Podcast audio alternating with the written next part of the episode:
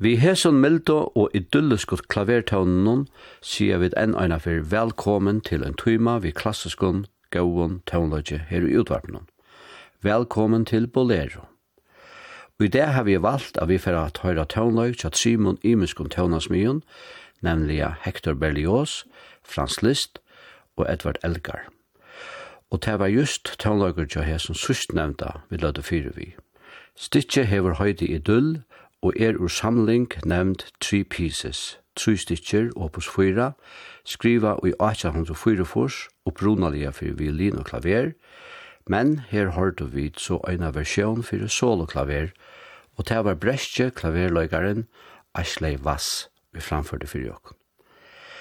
Sir Edward William Elgar var enskur tøvnasmyr, fødder i 1826 og deier i 1934. Han hefur skriva rattliga nekvan orkestertøvnløyk. Kjentast av Hesun må nu visst vera ter tver symfonienar, cellokonserten og så enigma-variasjonenar, og ta hef vi ikkje nevnt ta ivalest allar kjentast av luttlastikje Saluta mo, som mengan er at høyra. Vi tfer at halda fram vi tøvnløyde tja elgar, og høyre her søgnasta satsen ur cellokonserten opus 45. Hon er i e-moll, skriva i 1918 til 19. Det er argentinska Sol Gabetta og spiller cello sammen med Danmarks Radio Symfoniorkester under løslo av Mario Vensago.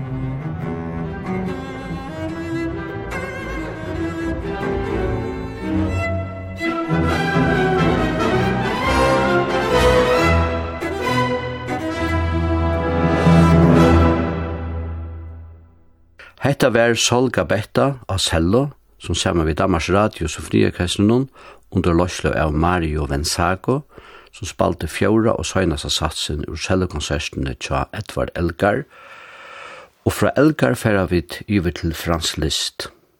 List var føttur i 1811 og døy i 1846. Han var esterruskur, ungvarskur, komponistur og klaverløykare. Og ja, han var en framruskerande klaverspelare, og en verilig stjøtna. Og det høyres òsni attur i hans klaververskund. Mittlen annan nekvan tøvløyk, og kanska særlige klavertøvløyk, skriva i han trutjar klaverkonserster.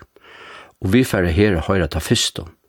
Hesa konsert skriva i han iver et sera lengt høyarskøy. Fyrst og tema skitsunar er fra 1830, og frumframførslan var ikkje fyrir enn i 1855. Hetta var i Tuskabøyen og Weimar. List sa sjálfur vi klavere, og Hector Berlioz, som òsne var tøvnasmyr, og så vidt skulle høyra tøvnlag fra om en løte, skjøttna i orkestren. Her vil da kinverste klaverløygaren Lang Lang, og Janna Spur i New York, som fyrir spela, semma vi, Wiener Philharmonisk Orkestren, under løslo av Valery Gergiev. Sassner er utrutjer uttale. Vi tar her konsertene som er i Estor, utan avbrott. Gjør så vel.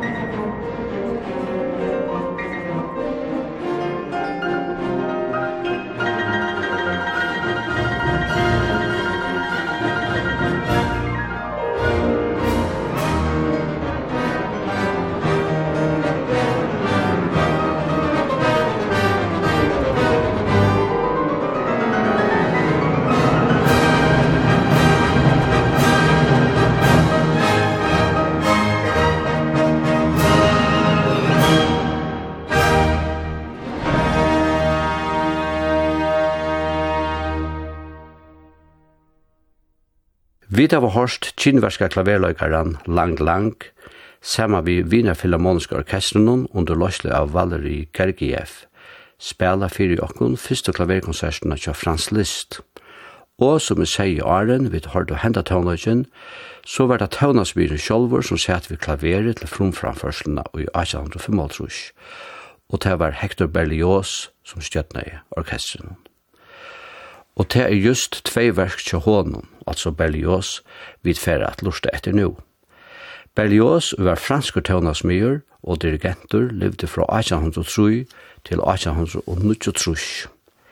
Det la ikkje akkurat i korsten at han skulle heva nekka vi tøvnlega gjerra.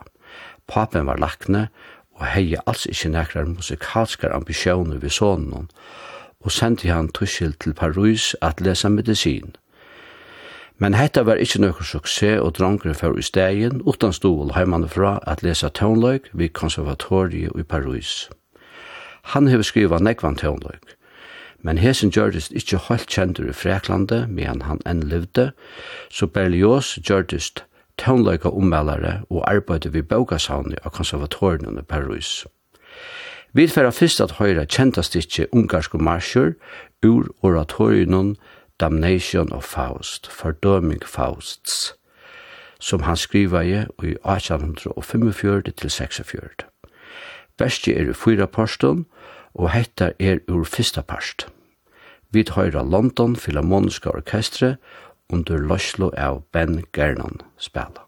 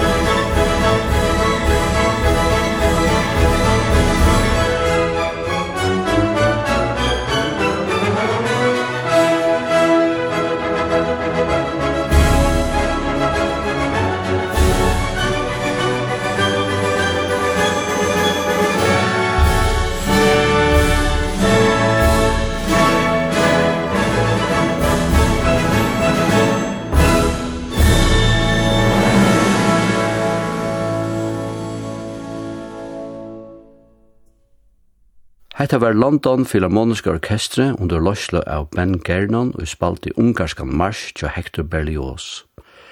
Og vi halda fram vi tøvnløyge til her som franska tøvnasmye. Vi færa at høyra overstyrena til åperina Beatrice og Benedikt, som han skriva i 1803 til 22. Overtyran, som jo er et forspel til åperina, verur tøyen, anså som nekvar ærar åperer, spalt som eit øynstakt stitje. Ta vera Londons fonikararnir under løsli av Sir Colin Davis som færra framføra.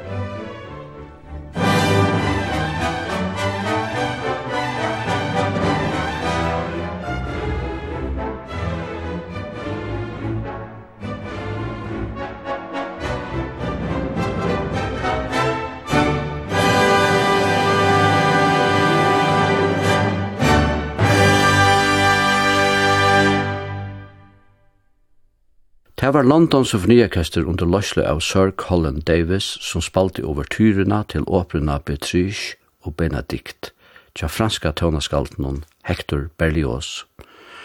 Og søgjane er vi kommet fram til søgnaste tøvnene i det, og det er Atur Frans list som vi hørte fra fyrre sendingene som øyet høyr. Det er Atur, kineverske klaverløygaren Lang Lang som nu fer at spela stikje vi høyden La campanella. Det er italska året fyrir klokka etla bjötla. Hetta er tria av seks i tyton som list skriva i 1838 og endurskoa i og brøtti i 1831 iver lø etla temeier tja kjenda violinløygaren Nicolo Pacanini. Just hetta tema er ur søgnasta satse fra hans eller violinkonsert nummer 2. Ikke to at lusta øyna for atter etter hese sendingsene, så verir hun endur sendt i anna kvöld, manna kvöld klokkan 22. Teber òsne til at høyra sendingsene av neten noen just da du vilt. Så først du bare inn og heimasyna til kringvarsnen kvf.fo framskak bolero. Her finner du sendingsene. Teknikar i dag var Rune Esterløy, og i øyde Eion Alekjene. Sendingen vil atter kommande sunnedag Takk fyrir at du lytte ja.